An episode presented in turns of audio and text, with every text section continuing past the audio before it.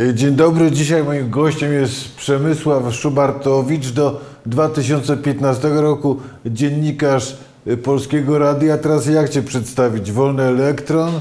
Indywidualny komentator? Przedstawić jako publicysta. Y, Czy wzruszył Cię apel mediów? Jak to będą bronić niezależności?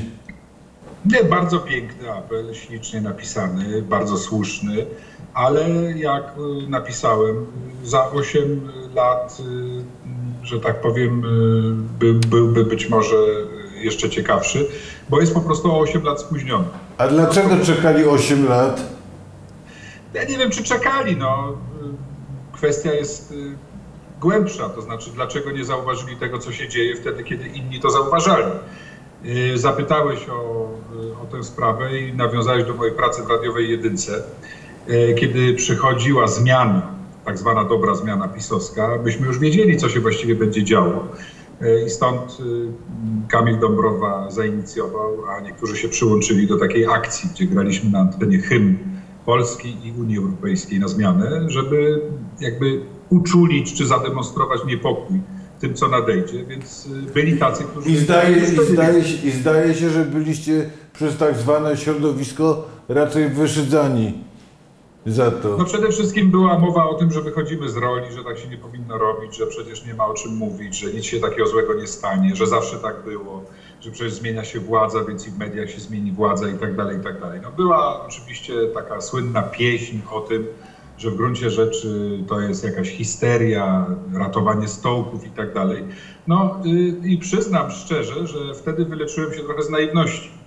Bo jako wtedy człowiek naiwny sądziłem, że dla każdego publicysty, dziennikarza, reportera, felietonisty, no nie wiem, kogoś, kto orientuje się trochę w świecie, jest oczywiste to, co się dzieje i że przyłączy się po prostu do tego i zrozumie intencje i idee tego, co, co robiliśmy. No okazało się, że nie, że w samym zespole w radiowej jedynce bardzo wielu przebudzonych tak zwanych symetrystów się, że tak powiem, objawiło, którzy wcale nie chcieli się przyłączać, krytykowali to, E, a potem przez długie lata doskonale sobie radzili, e, pracując dalej z osobami, które dokonywały na przykład czystki polityczne. No, jeżeli tak to ma wyglądać, to, to wtedy zaczęła się lekcja, e, że tak powiem, pozbywania się naiwności. A jak wyglądała ta inwazja dobrej zmiany na przykład w Polskim Radiu? No to było bardzo, że tak powiem, y, radykalne i ta inwazja była szybka. To znaczy w momencie, kiedy do budynku wszedł nowy dyrektor, Rafał Porzyziński, y, dokonywać zaczął czystek właściwie w ciągu no, kilku pierwszych godzin. Y, Moi znajomi pospadali z grafika już tego samego dnia. Ja miałem audycję mieć następnego dnia i też zostałem już poinformowany, że nie będzie tej audycji. Więc w tym sensie było to dość perwersyjne, bo struktura zatrudnienia w Polskim Radiu polegała na tym, że była jakaś tam podstawa, a resztę wyrabiało się wierszówką, czyli im więcej audycji własnych, tym, tym więcej się zarabiało pieniędzy i można było funkcjonować w takim układzie. Więc jeżeli kogoś zdejmowano z grafiku, To tracił pieniądze. to de facto pozostawiano go właśnie z, z wyborem, czy ma dalej jeszcze pracować na zasadzie jakiejś tam podstawy, czy też musi sam odejść, żeby szukać szczęścia gdzie indziej. Ale wejście e, panów dyrektorów polegało po prostu na mechanizmie czystki. Wzywano ludzi do gabinetu i wręczano im e, papierki na zasadzie propozycji nie do odrzucenia. E, Mnie nie wezwano. Ja, jak brzmiała propozycja nie do odrzucenia? No, że trzeba podpisać. Tak opowiadali koledzy, to mogę tylko powiedzieć, bo ja nie byłem na szczęście na rozmowie, ponieważ zastosowałem inną technikę, po prostu nie poszedłem. Yy, Natomiast yy, koledzy, którzy tam byli, no, opowiadali o szantażu, o takich sugestiach, że zaraz wyciągną jakieś sprawy z dawnych lat, bo wtedy był taki etap, kiedy jeszcze yy, liczono się z prawem pracy, czyli trudno było rozwiązać umowę o pracę w Polskim Radiu.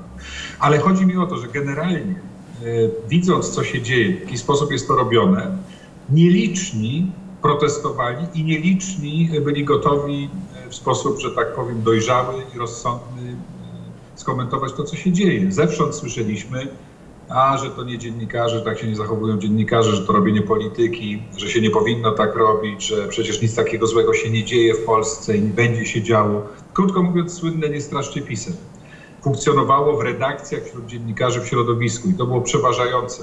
To był głos mocny a ten głos buntowniczy był słaby, słabiutki. No. Więc y, tak to zapamiętałem, więc jak dzisiaj czytam po 8 latach, że nagle niektórzy budzą się i widzą, że wolność mediów jest zagrożona, To, to, to jak na to reagujesz? to ja reaguję jakby mm, spokojem, ale reaguję oczywiście, y, że tak powiem, narodzeniem się we mnie komentarza, że jest to wyraz głębokiej hipokryzji. E, Albo nawet więcej, po prostu jakiejś skrajnej obłudy środowiska, czy części środowiska, bo to już nie mówmy tak, które nie widzi po prostu na co patrzy. Tak to odbieram. No. A jak myślisz, a, dla, a, a dlaczego, dlaczego teraz? A nie pół roku temu, rok czy Może cztery? dlatego, że się kończy już e, pewien etap, że jest koniec kadencji, że może teraz jest po prostu łatwiej tak napisać, bo, no bo za chwilę cokolwiek się może zmienić. Tak? Czy uważasz, że oni, y, duża część z nich gra po prostu na następne rozdanie, ustawia się pod następne okrążenie?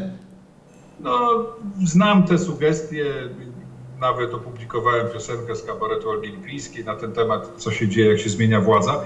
Nie wiem, czy są aż tak e, wyrafinowani e, ludzie, którzy dzisiaj nagle się budzą w swoich przewidywaniach, ale niewątpliwie wygodniej jest po 8 latach zaapelować o wolność mediów, niż przez 8 lat e, mówić o tym, gdzie te zagrożenia pęcznieją. Ja pamiętam kiedyś e, właśnie w radiowej jedynce rozmawiałem z ekspertem od Węgier i on już wtedy, czyli to był jakiś 2014-2015 rok, opowiadał o tym, w jaki sposób jest to rozwiązane na Węgrzech. Po prostu władza ma swoje media, których zresztą sama nie ogląda, bo uważa, że to jest tempa propaganda, więc oni nie chcą oglądać tępej propagandy, ale muszą ją mieć. A jeśli chodzi o jakiekolwiek wolne media, y, czy, czy, czy no resztki tego, gdzie można coś mówić, to tego w zasadzie tam już nie ma. On to mi mówił wtedy. Więc jeżeli słyszy się Jarosława Kaczyńskiego, który mówi, że chce mieć Budapeszt w Warszawie i wiadomo, że to będzie rewolucja, no to jak się jest dziennikarzem, to wymagałoby się od dziennikarza, no, że tak powiem, szerszych horyzontów, a przynajmniej jakiejś refleksji. A może To dzisiaj, zabrakło- może dzisiaj większość, więcej jest po prostu media workerów niż dziennikarzy? Jest to, no wiem, znam twój punkt widzenia radykalny, napisałeś tekst w Newsweeku na ten temat, wywołał... Ja akurat nie uważam, że, że on jest, nie uważam, że jest radykalny, ale w No porządku. wiem, teraz, teraz jesteś bardziej radykalny, jak cię czytam. Ja w ogóle chcę, wiesz, unikać oceniania kolegów, yy, czy bo nie są moi koledzy. Ja w ogóle uważam, że zawód dziennikarza to nie jest jakaś specjalna chluba. No, to jest po prostu jeden z zawodów, który trzeba wykonywać yy, w zależności od tego, jaki się wykonuje, yy, jakby, no, który gatunek się wykonuje, w miarę przyzwoicie. Więc jak byłem w mediach publicznych, to rzeczywiście światopogląd własny starałem się trzymać w szatni. Ale jak byłem felietonistą i publicystą, to absolutnie ujawniałem to, co mam do powiedzenia i o czym myślę, więc ja nie widzę tutaj konfliktu.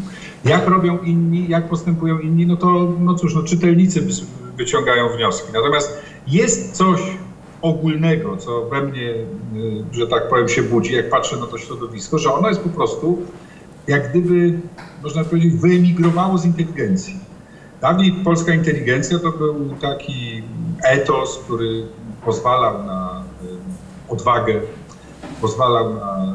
y, Nie tylko pozwalał, ale, ale nakazywał. No może, no w każdym razie była tam i odwaga, i autoironia, i szerszy światopogląd. A jak było tchórzostwo, to też było wytłumaczone. Tak? To znaczy była dyskusja, debata, pewien rodzaj, no, że tak powiem, y, płaszczyzny do tego, żeby w ogóle oglądać świat i komentować politykę w jakiejś perspektywie y, intelektualnej. Wydaje mi się, że jakby inteligencji coraz mniej i że, że tak powiem, cech dziennikarski wyemigrował z inteligencji. Tak? A to jest bardzo ciekawa Ale sprawa. czy to jest, To jest, ale bo, to, bo to jest bardzo ciekawe.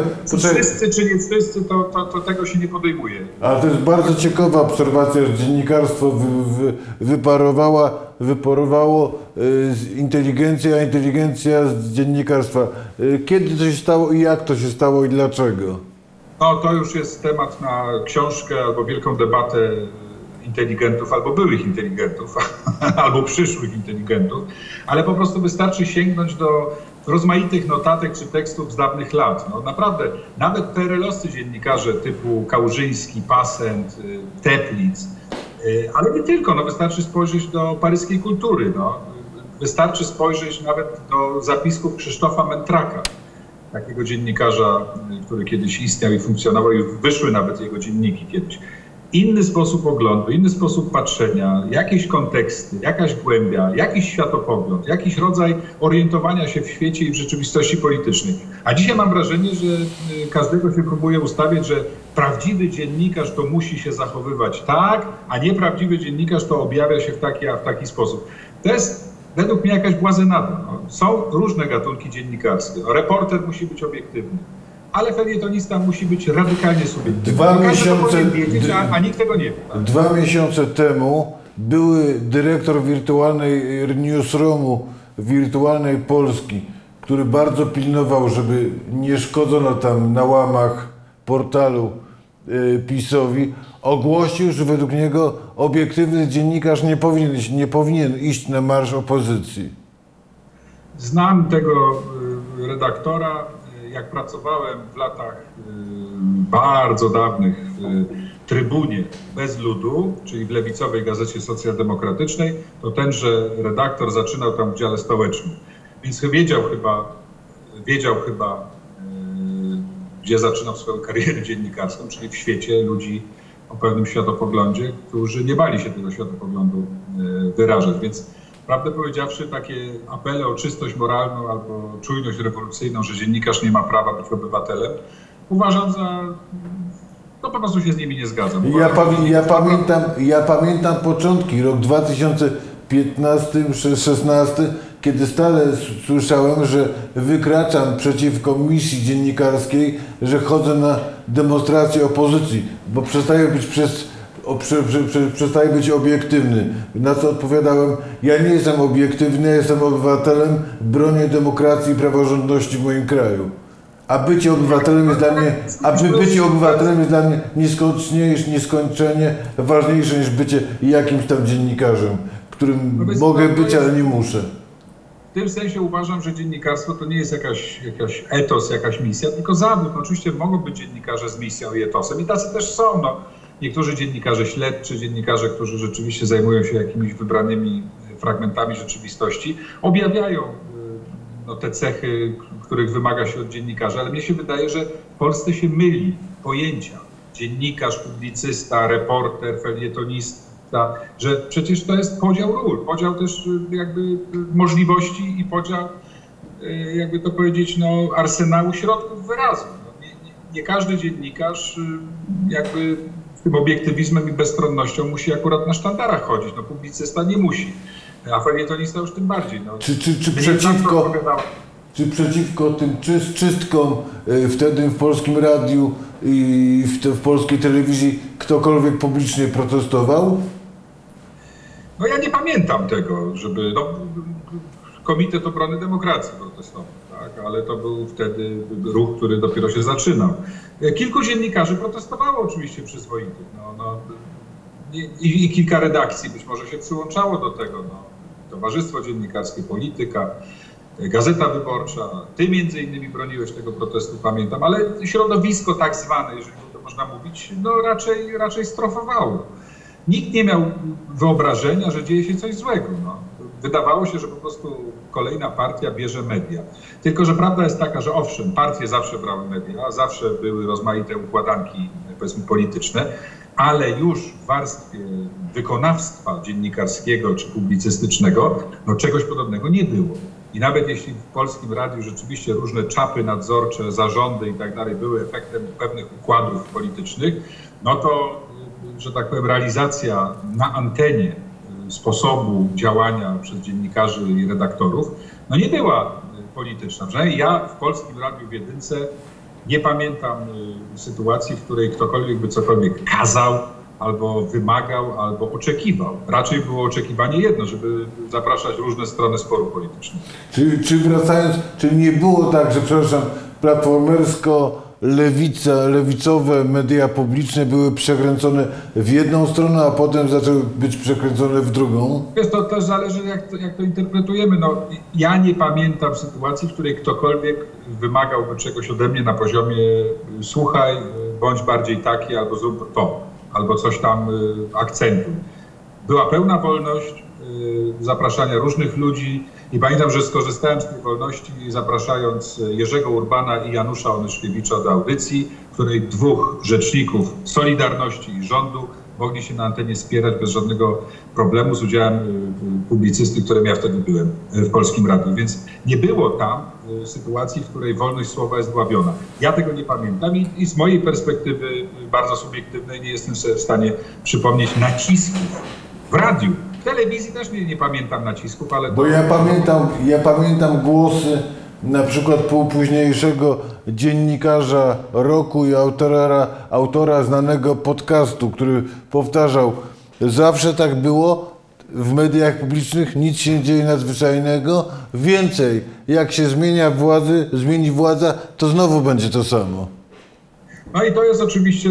Żeby było weselej, żeby było weselej, mimo że przez nigdy nie wypowiedział słowa przeciwko PiSowi, na koniec został zczyszczony z tej radiowej trójki yy, i ro, yy, zrobił, yy, robił, że tak powiem, kapitał i, i przywdział tą rolę, rolę czy szaty ofiary reżimu i dobrze to spieniężył, więc może cynizm się opłaca. Może się nie opłaca, no na pewno się niektórym opłaca, jak potrafią go wykorzystać, tylko że tak jak powiedziałem na początku, jest coś w zapaszku obłudy i hipokryzji w tym wszystkim. I niech, jeżeli uważa, że nigdy, że, że, że, że jakby to jest to samo co zawsze, to niech sobie włączy telewizję polską. To zobaczy, czy, czy TVP Info.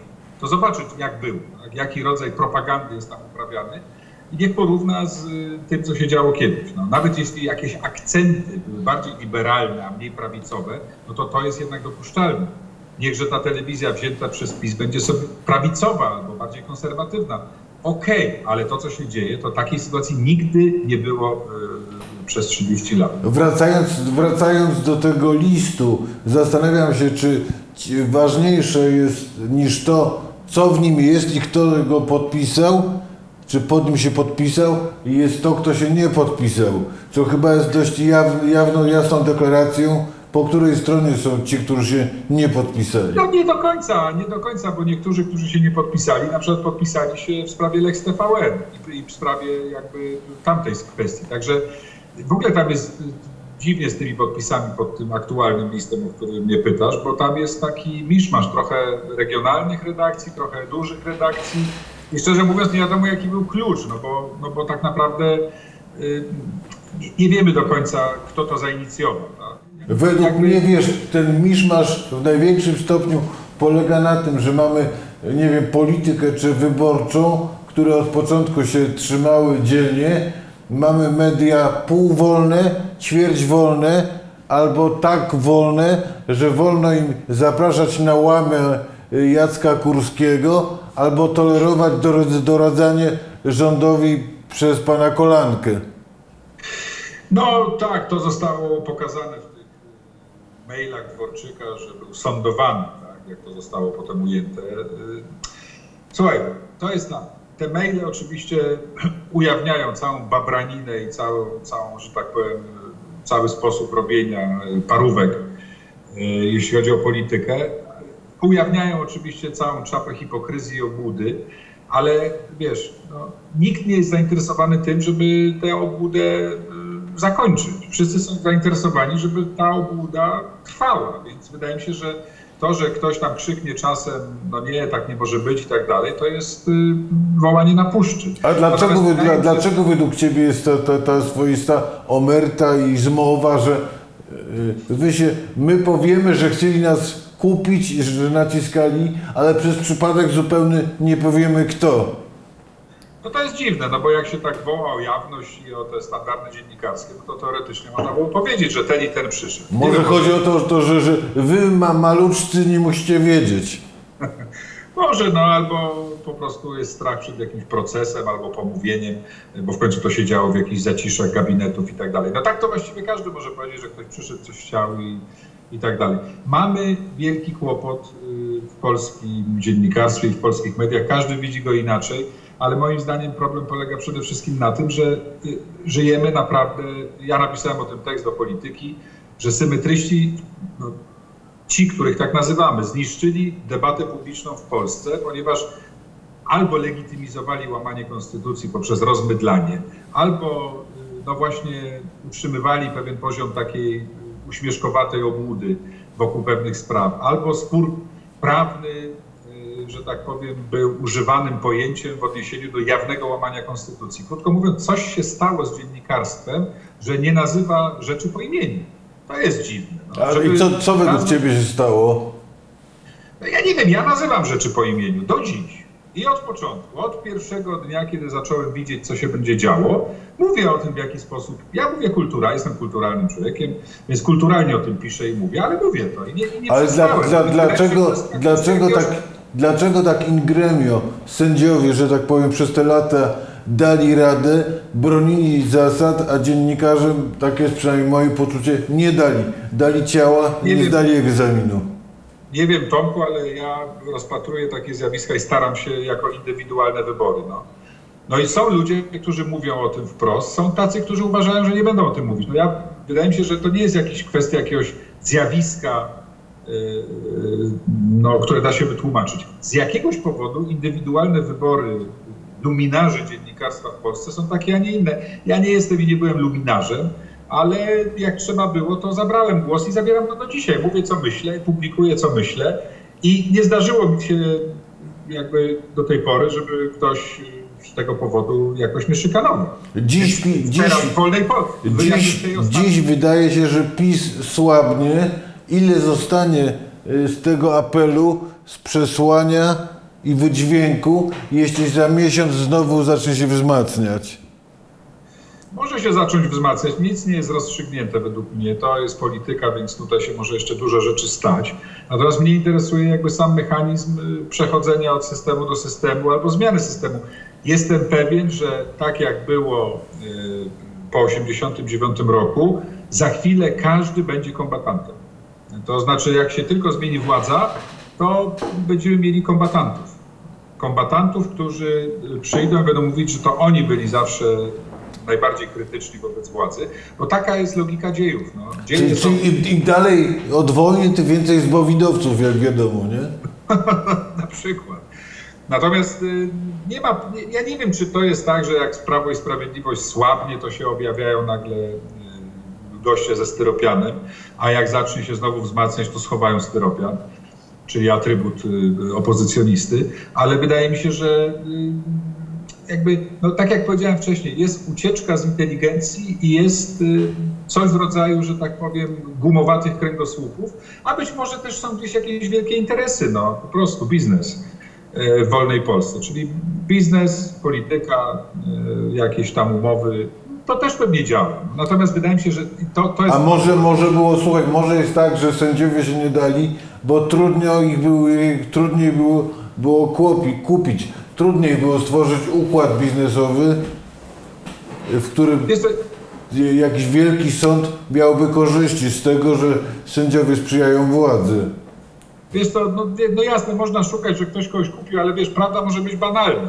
Że może bo, bo w ogóle ci dziennikarze, o których próbujemy rozmawiać, znaczy tacy, którzy okrakiem stali wobec y, na przykład łamania konstytucji, że oni naprawdę mają takie poglądy, że nie mają światopoglądu, nie mają kręgosłupa, nie mają odwagi, żeby zająć jakieś stanowisko, bo się boją po prostu. Albo rzeczywiście mają takie poglądy. To też jest możliwe. I wtedy jest to najbanalniejsze. Ja pamiętam kiedyś z Filipem Bajonem rozmawiałem i próbowałem go pytać, no dlaczego w tym PRL-u ta, i ta cenzura działała, i różne rzeczy, i to wszystko. On mówi, tak, to wszystko prawda, ale generalnie był to system, w którym panował jeden wielki burdel. I że niektóre decyzje były czasami zupełnie, że banalne wytłumaczenia na trudne decyzje i trudne sytuacje. No były ale, czasem ale akurat to, je, to jedno o, o, o rządach PiSu też możemy powiedzieć, też jest burdel. No tak, ale my mówimy o, pytasz mnie o, o, te media. No ja zawsze, ja nigdy specjalnie nie lubiłem być, śpiewać w chórze i w żadnym tam środowisku być i mnie to nie interesowało i nie interesuje. Ale, ale patrzę na to, no, no. Słuchaj, ja mam szkołę naprawdę starych dziennikarzy i jakby taką, no jeszcze powiedzmy, taką, gdzie się dyskutuje, gdzie się ma poglądy, wiesz, no, interesowało mnie to, co mówi Michnik, interesowało mnie to, co mówią jego adwersarze i tak dalej. To jakaś inna debata była w Polsce kiedyś, a, a w tej chwili jesteśmy w jakimś przedszkolu, no, gdzie, gdzie chodzą różni ludzie i, i wydają, wydaje im się, że jakieś ogromne dziennikarstwo, jakąś misję tutaj robią, a tak naprawdę nie potrafią się zmierzyć z prostym problemem e, jakby dewastacji politycznej w Polsce albo, albo zdumiewających zmian e, społeczno-politycznych. To jest smutne, że nie ma po prostu lub bardzo mało jest ludzi, którzy potrafią takiemu wyzwaniu sprostać intelektualnie.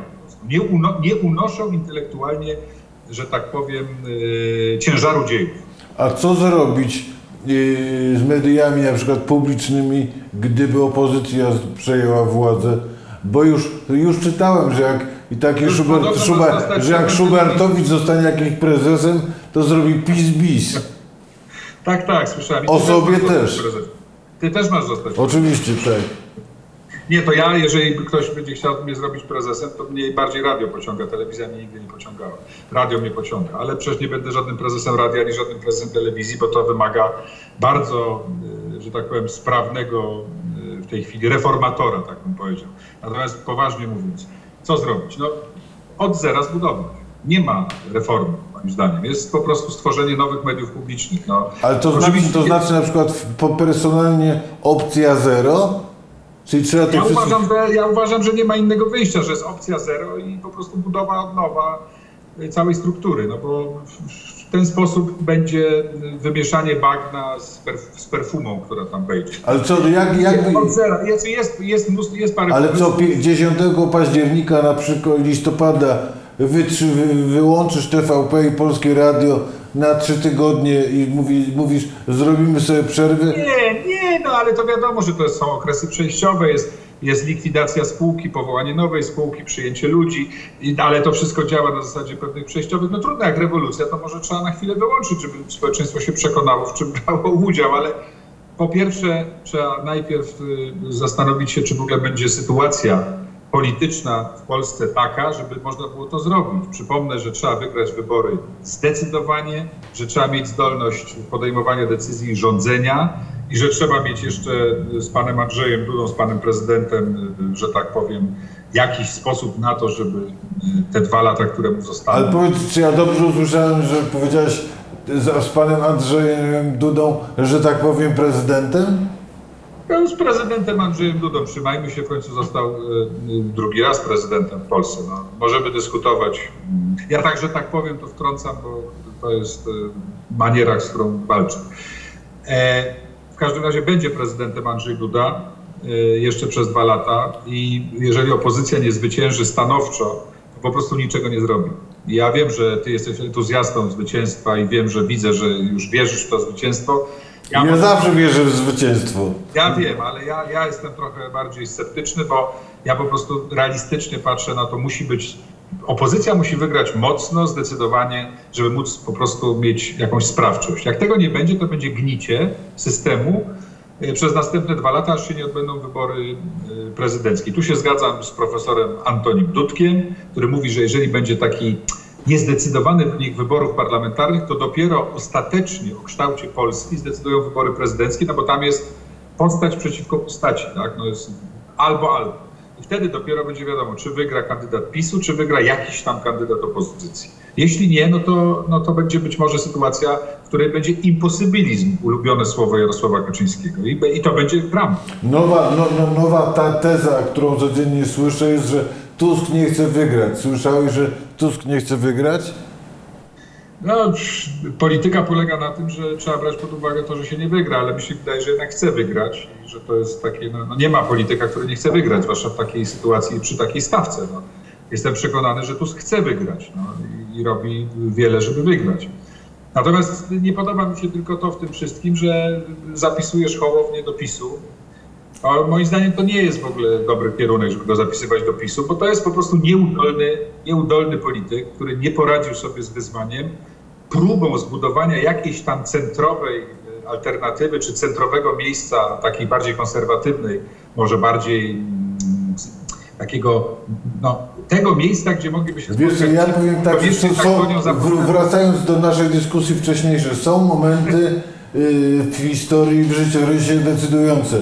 Jeśli ty w momencie, kiedy z decydującego starcia z PiSem nie jesteś w stanie, jak powiedziałeś sam, stanąć na wysokości zadania jesteś nieudolny, nie dajesz radę, to wiadomo komu pomagasz. Czy to jest sformalizowane, czy nie, to jest inna historia. Ale de facto to komu właśnie, pomagasz? Bo jakby to było sformalizowane, że, on, że jest to robione specjalnie po to, żeby, żeby być agentem PiSu, no to to jest oczywiście skandal. A jeśli to jest nieudolność i pewien rodzaj cechy charakteru, no to tylko można załamać ręce i żałować, że nie udaje się, że tak powiem, wzbogacić opozycyjnej oferty o dość mądrą, że tak powiem, o dość mądry pomysł zabudowania centrum, tego, które jest już w tej chwili w miejscu bardziej konserwatywnym.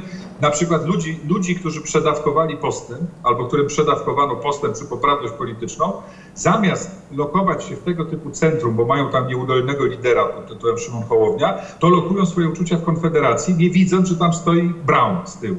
I to jest też problem do rozwiązania. Nie mówię, że przez Tuska, ale wydaje mi się, że to jest problem do rozwiązania w ogóle przez ludzi, którzy myślą o polityce. No bo jeśli są, istnieją ludzie, którzy mają dosyć poprawności politycznej i pewnego takiego zbyt ideowego czy wojny kulturowej i szukają jakiegoś miejsca bardziej spokojnego, no to Hołownia miał im takie miejsce teoretycznie dać. I nie dał, bo nie sprostał zadaniu, bo, bo popełnił mnóstwo błędów, nie umie tego zrobić, jest no, błąd na błędzie.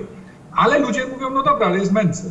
Dobrze, to, właśnie. to, A ja, to jak, poważny, jak, jak, czy z politycznego, moralnego, etycznego, jak to zwał punktu widzenia, jakiekolwiek dogadywanie się kogokolwiek z Konfederacją, poza pisem oczywiście, bo to jest, byłoby naturalne, wchodzi w grę, czy jest nieakceptowalne?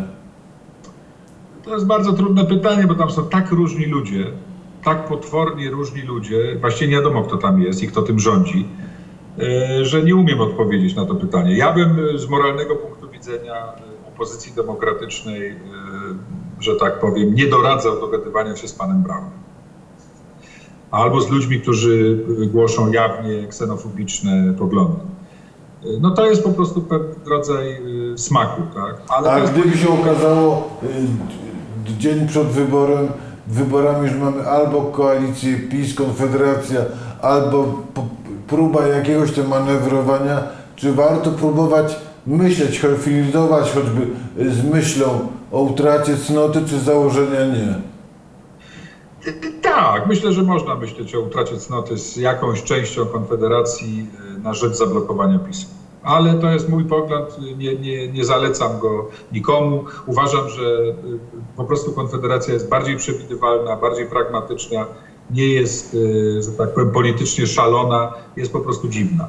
Ale łatwiej się rozmawia z ludźmi przewidywalnymi i, i być może bardziej pragmatycznymi niż z partią, która opiera się na odwracaniu znaków. Czyli jest po prostu w politycznym wyrazie y, zajmuje pozycję perwersyjną. Czyli tak znaczy nie, nie znaczy tak, białe jest czarne. No tak dobrze, ale Polska, Ży- Polska przy- bez Żydów, imigrantów, A nie, to jest gejów, skandal oczywiście. No, nie, no to w, tym, to w tym sensie mówię, że z ludźmi w Konfederacji, którzy, że tak powiem, y, nie byliby tymi, którzy podpisują się pod tego typu haniebnymi hasłami. Czy to jest ogólnie... możliwe? Czy tam są, czy tam są tacy ludzie, wiesz, stawiasz zero-jedynkowo problem? Wydaje mi się, że, że jacyś ludzie, którzy nie podzielają haseł tego typu, mogliby się tam znaleźć, ale nie sądzę, żeby ktokolwiek z opozycji, na przykład Lewica, jeśli wejdzie do Sejmu, chciałaby z Konfederacją rozmawiać o ratowaniu Polski przed PiSem, więc to jest chyba teoretyzowanie. A w sprawie mediów czut- y, mam wrażenie, że jesteś pesymistą raczej. Nie, no ja uważam, że żeby doprowadzić do zmian w polityce, nie tylko w mediach, ale w Trybunale Konstytucyjnym i tak dalej, w instytucjach, należy wygrać znacząco. Wszystkie inne rozważania to są teoretyzowania. W sprawie mediów uważam, że należy robić opcję, ulubione słowo reset.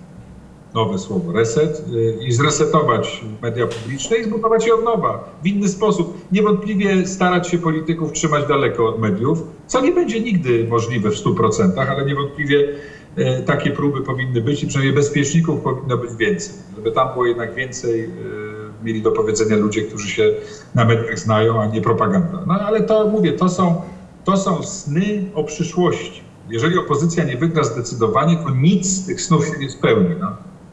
Dobrze, to już nie zawracam głowy, tym bardziej, że są poważniejsze sprawy niż polityka i media. Musisz lecieć do przedszkola po dzieci. Tak więc jest, tak jest, po dzieci. Dziękuję Ci bardzo. Dziękuję bardzo, trzymaj się, powodzenia. Pozdrawiam.